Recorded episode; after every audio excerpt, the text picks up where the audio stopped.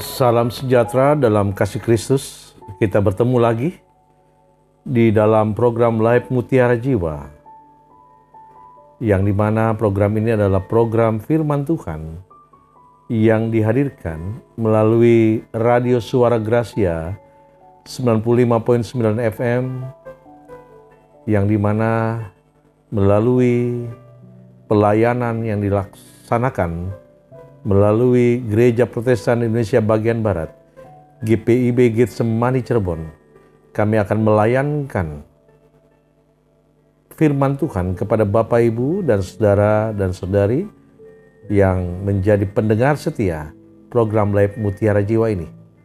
Bapak Ibu dan saudara, adapun pembacaan firman Tuhan pada kesempatan ini di mana terambil dari Injil Matius Injil Matius pasal 11 ayat 16 hingga yang ke-19. Lalu dilanjutkan pada pasal yang sama yaitu ayat 25 sampai ayatnya yang ke-30. Namun Bapak Ibu dan Saudara, sebelum kita membaca dan merenungkan akan firman Tuhan, terlebih dahulu mari kita berdoa memohon tuntunan Roh Kudus di dalam pewartaan firman Tuhan bagi kita. Mari Bapak Ibu kita berdoa. Terpujilah Engkau ya Bapa, Sang pemilik hidup yang di mana kami masih diperkenankan boleh ada dalam tuntunan dan kasih karuniamu untuk melaksanakan apa yang menjadi tanggung jawab hidup kami di dalam keseharian. Ketika kami ada dalam rumah tangga, ketika kami dalam kerja, ketika kami sedang berada dalam situasi-situasi yang di mana kami sedang bergelut dengan segala harap dan usaha kami. Kami di dalam program Live Mutiara Jiwa yang ditayangkan melalui kehadiran Radio Suara Gracia, kami hendak bersatu sejenak mendengarkan firman-Mu.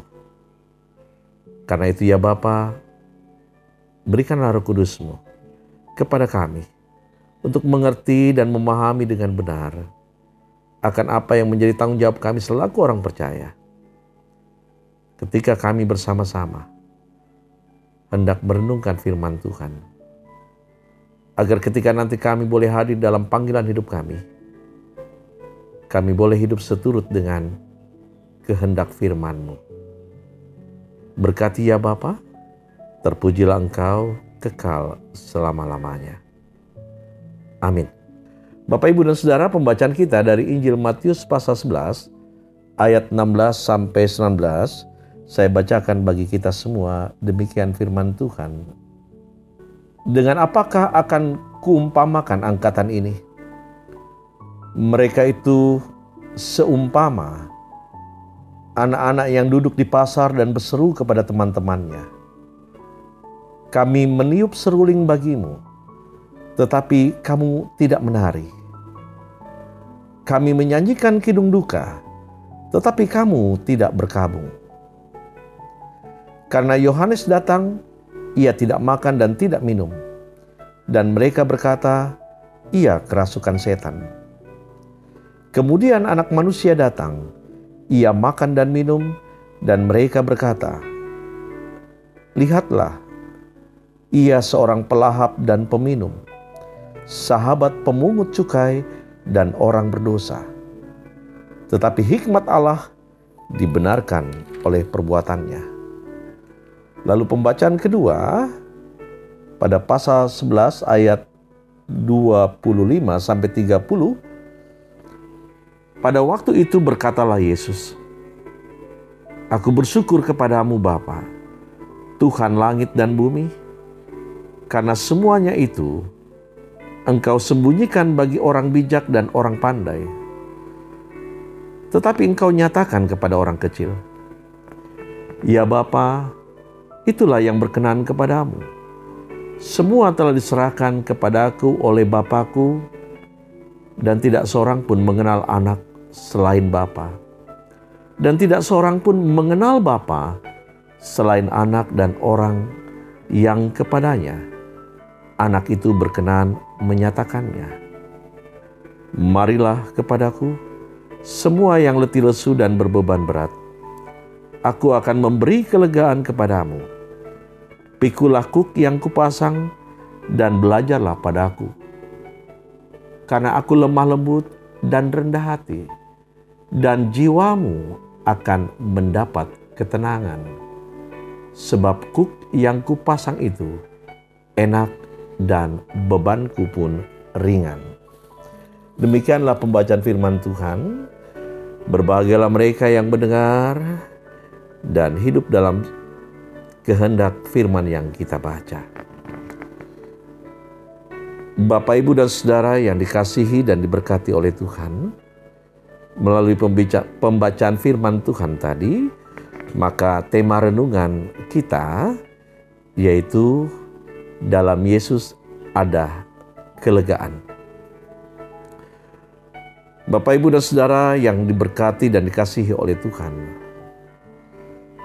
suka atau tidak disukai, ternyata pandangan ini masih banyak dianut manusia yang sering kali dapat mengaburkan suatu kebenaran. Berhadapan dengan orang seperti itu, diri rasanya menjadi bodoh. Yesus menghadapi banyak manusia seperti itu pada zamannya.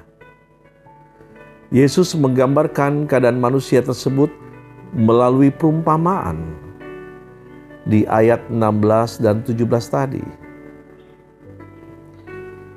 Adalah lazim jika ada yang meniup seruling yang merupakan aksi, maka mestinya diikuti orang dengan menari sebagai sikap reaksi.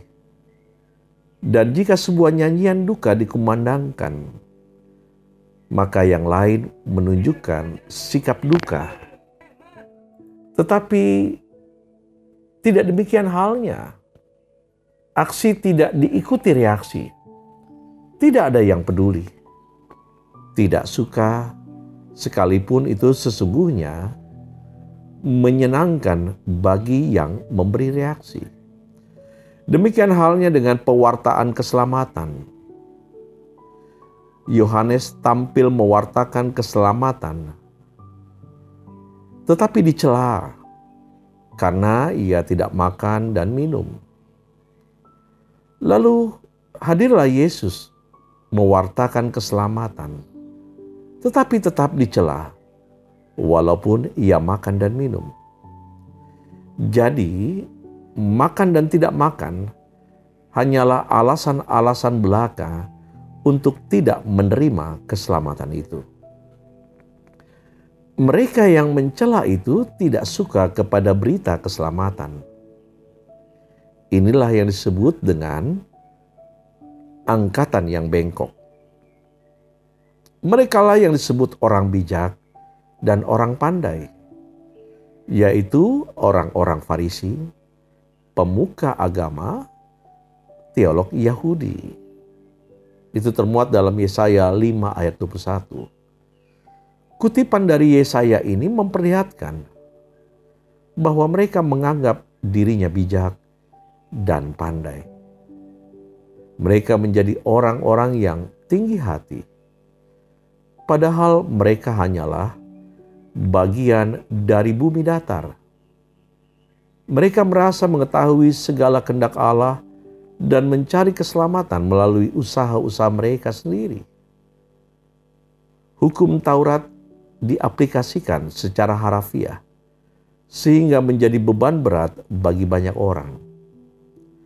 Kemampuan intelektual mereka bukan lagi mengabdi kepada Tuhan, melainkan kepada pemenuhan hasrat duniawi belaka. Hidupnya bukan lagi sebagai ibadah kepada Tuhan. Tafsir mereka bukan untuk menyingkap kebenaran sikap dan perbuatan mereka telah menjadi hujatan kepada Allah dan menjadi beban bagi orang-orang kecil. Mereka yang selalu menganggap dirinya orang bijak dan orang pandai, sesungguhnya hanyalah orang-orang sumbu pendek. Mereka tidak dapat melihat kebenaran. Akibatnya, berita keselamatan menjadi tersembunyi bagi mereka.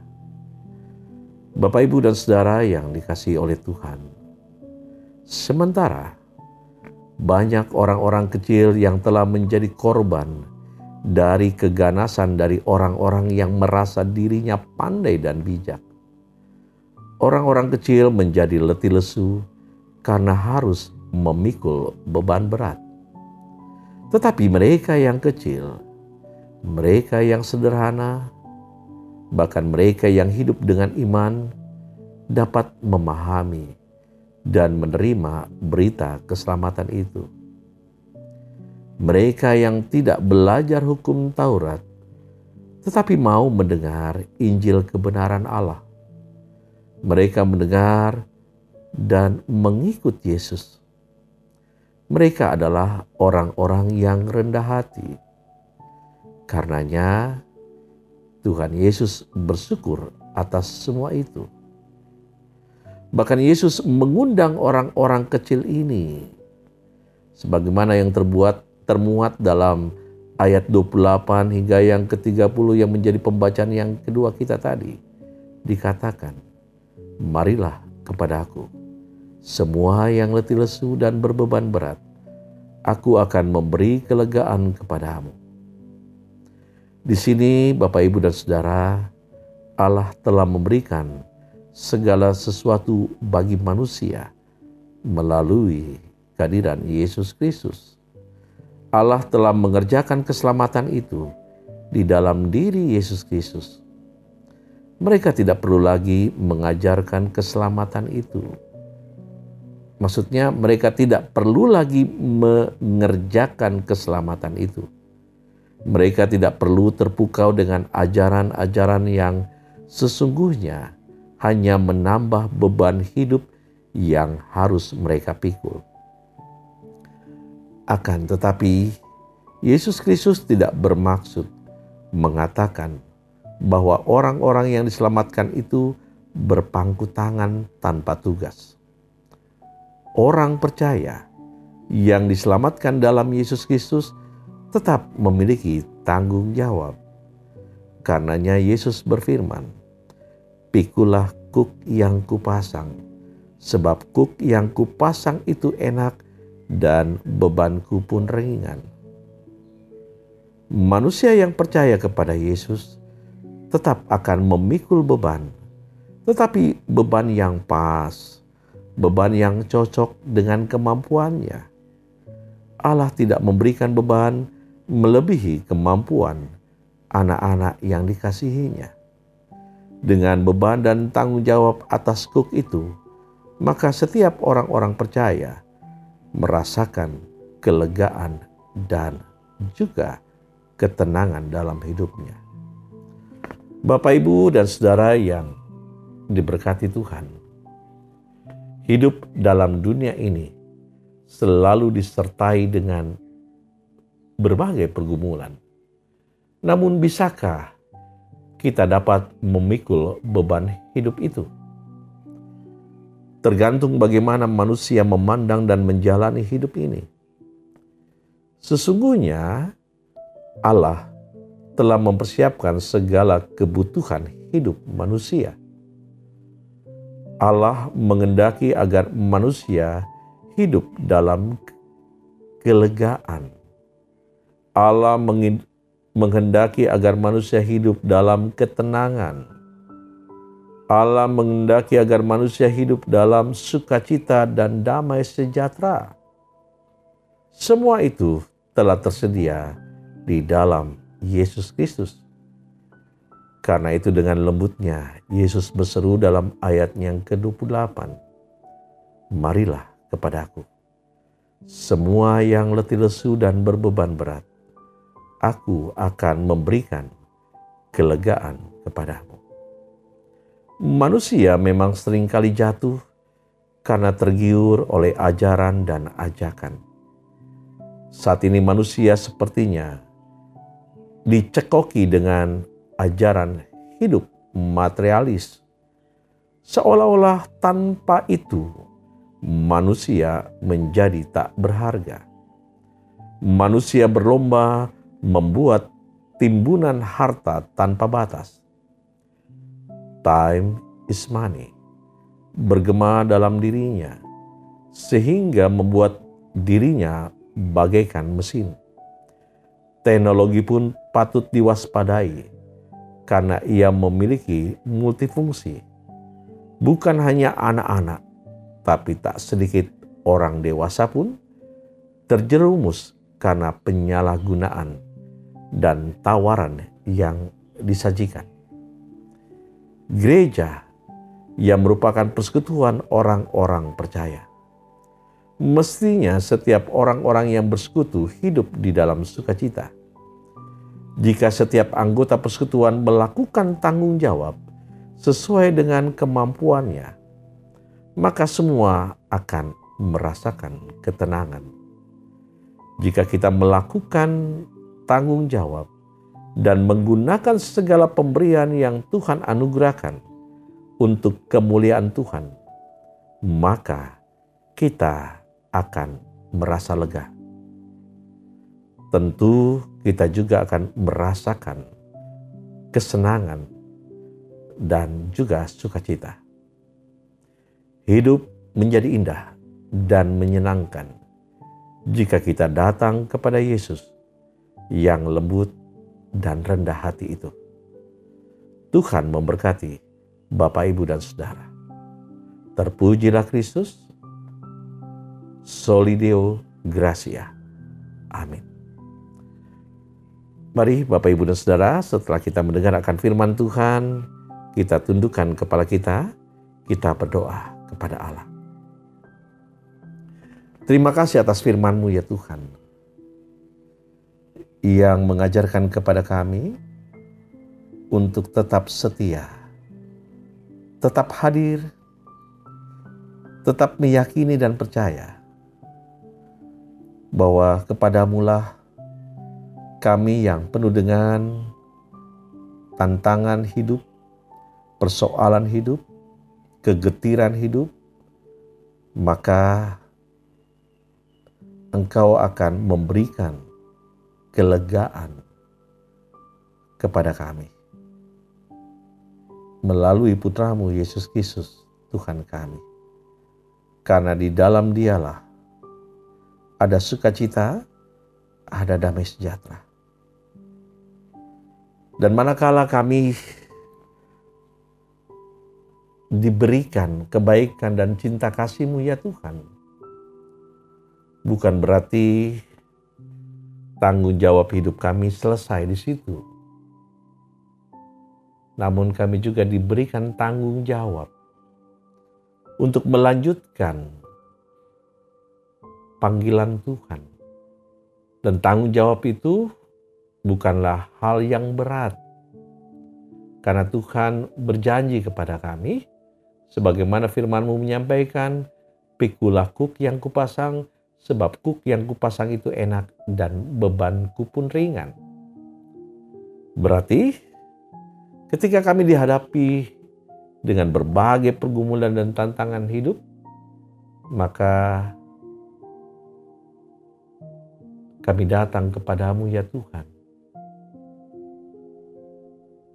Untuk tetap melaksanakan tanggung jawab kami selaku orang percaya.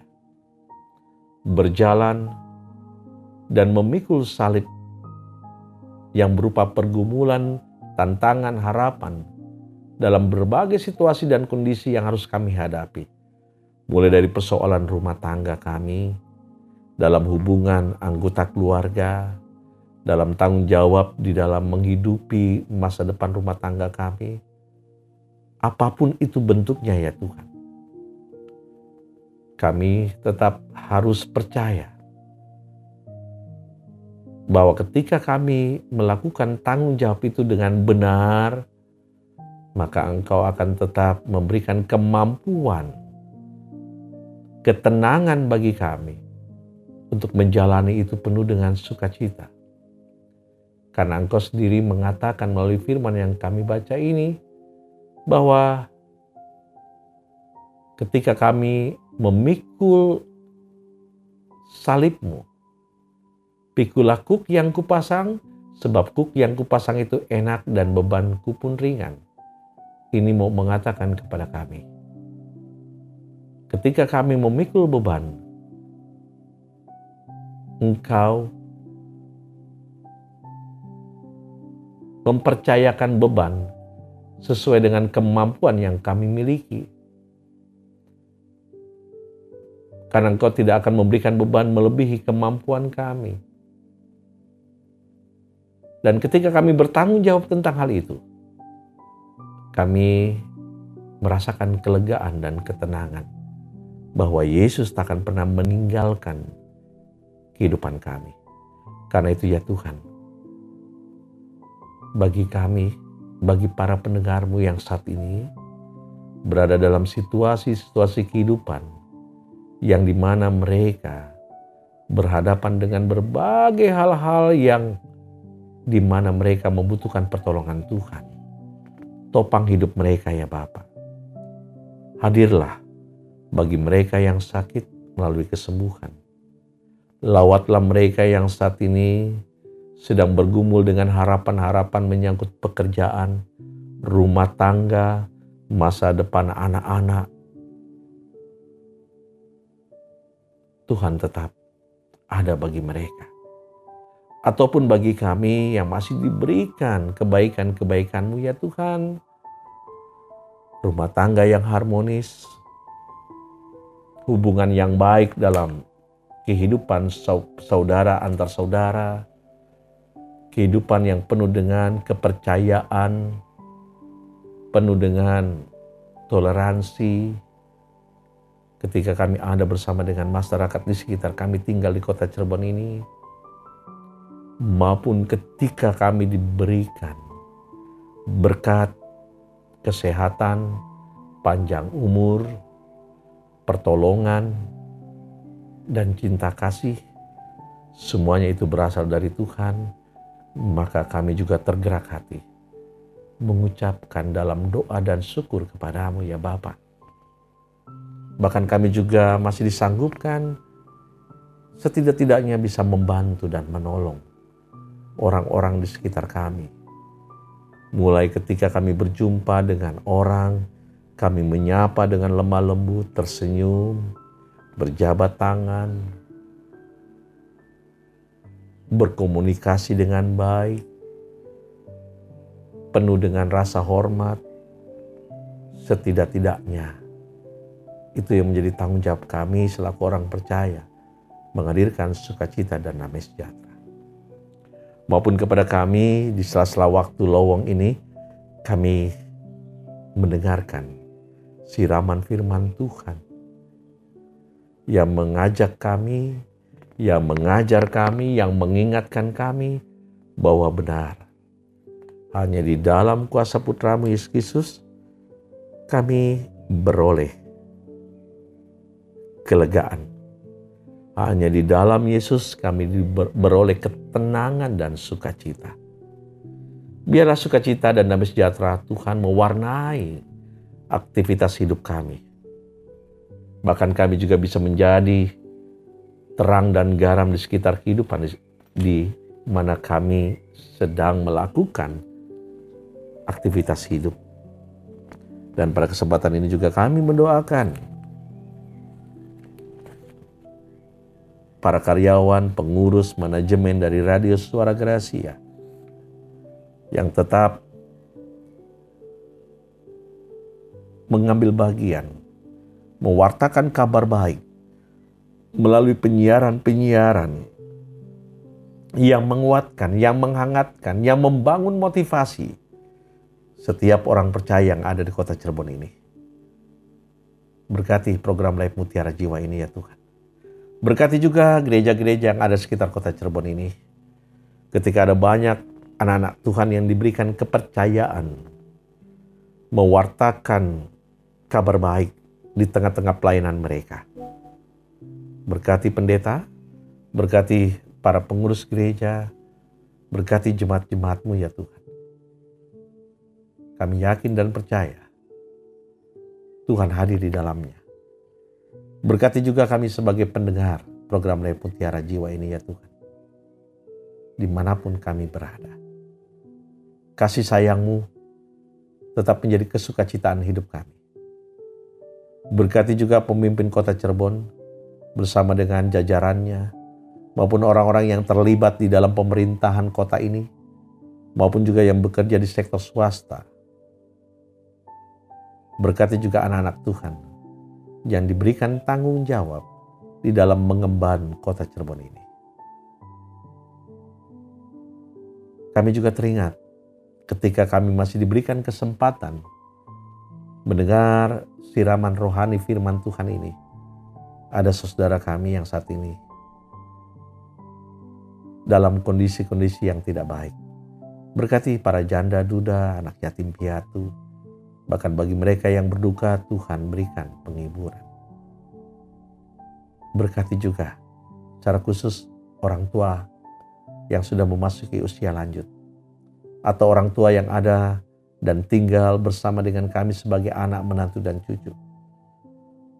Kami tetap melayani mereka dengan sungguh-sungguh sebagai pengabdian kami selaku anak kepada orang tua.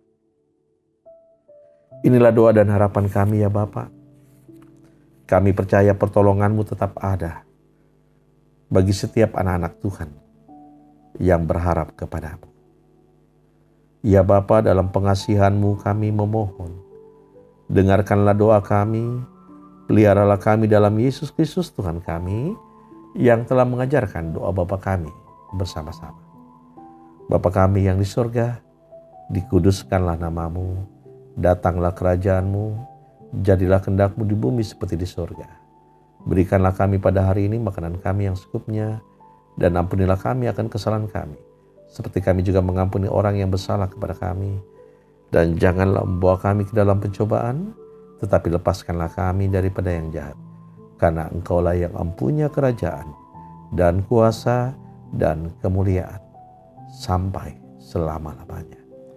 Demikianlah Bapak Ibu dan Saudara pelayanan firman yang boleh kami layankan kepada Bapak Ibu melalui kehadiran GPB Getsemani Cirebon Kiranya firman Tuhan ini menjadi berkat dan sukacita bagi kita semua. Tuhan memberkati. Amin.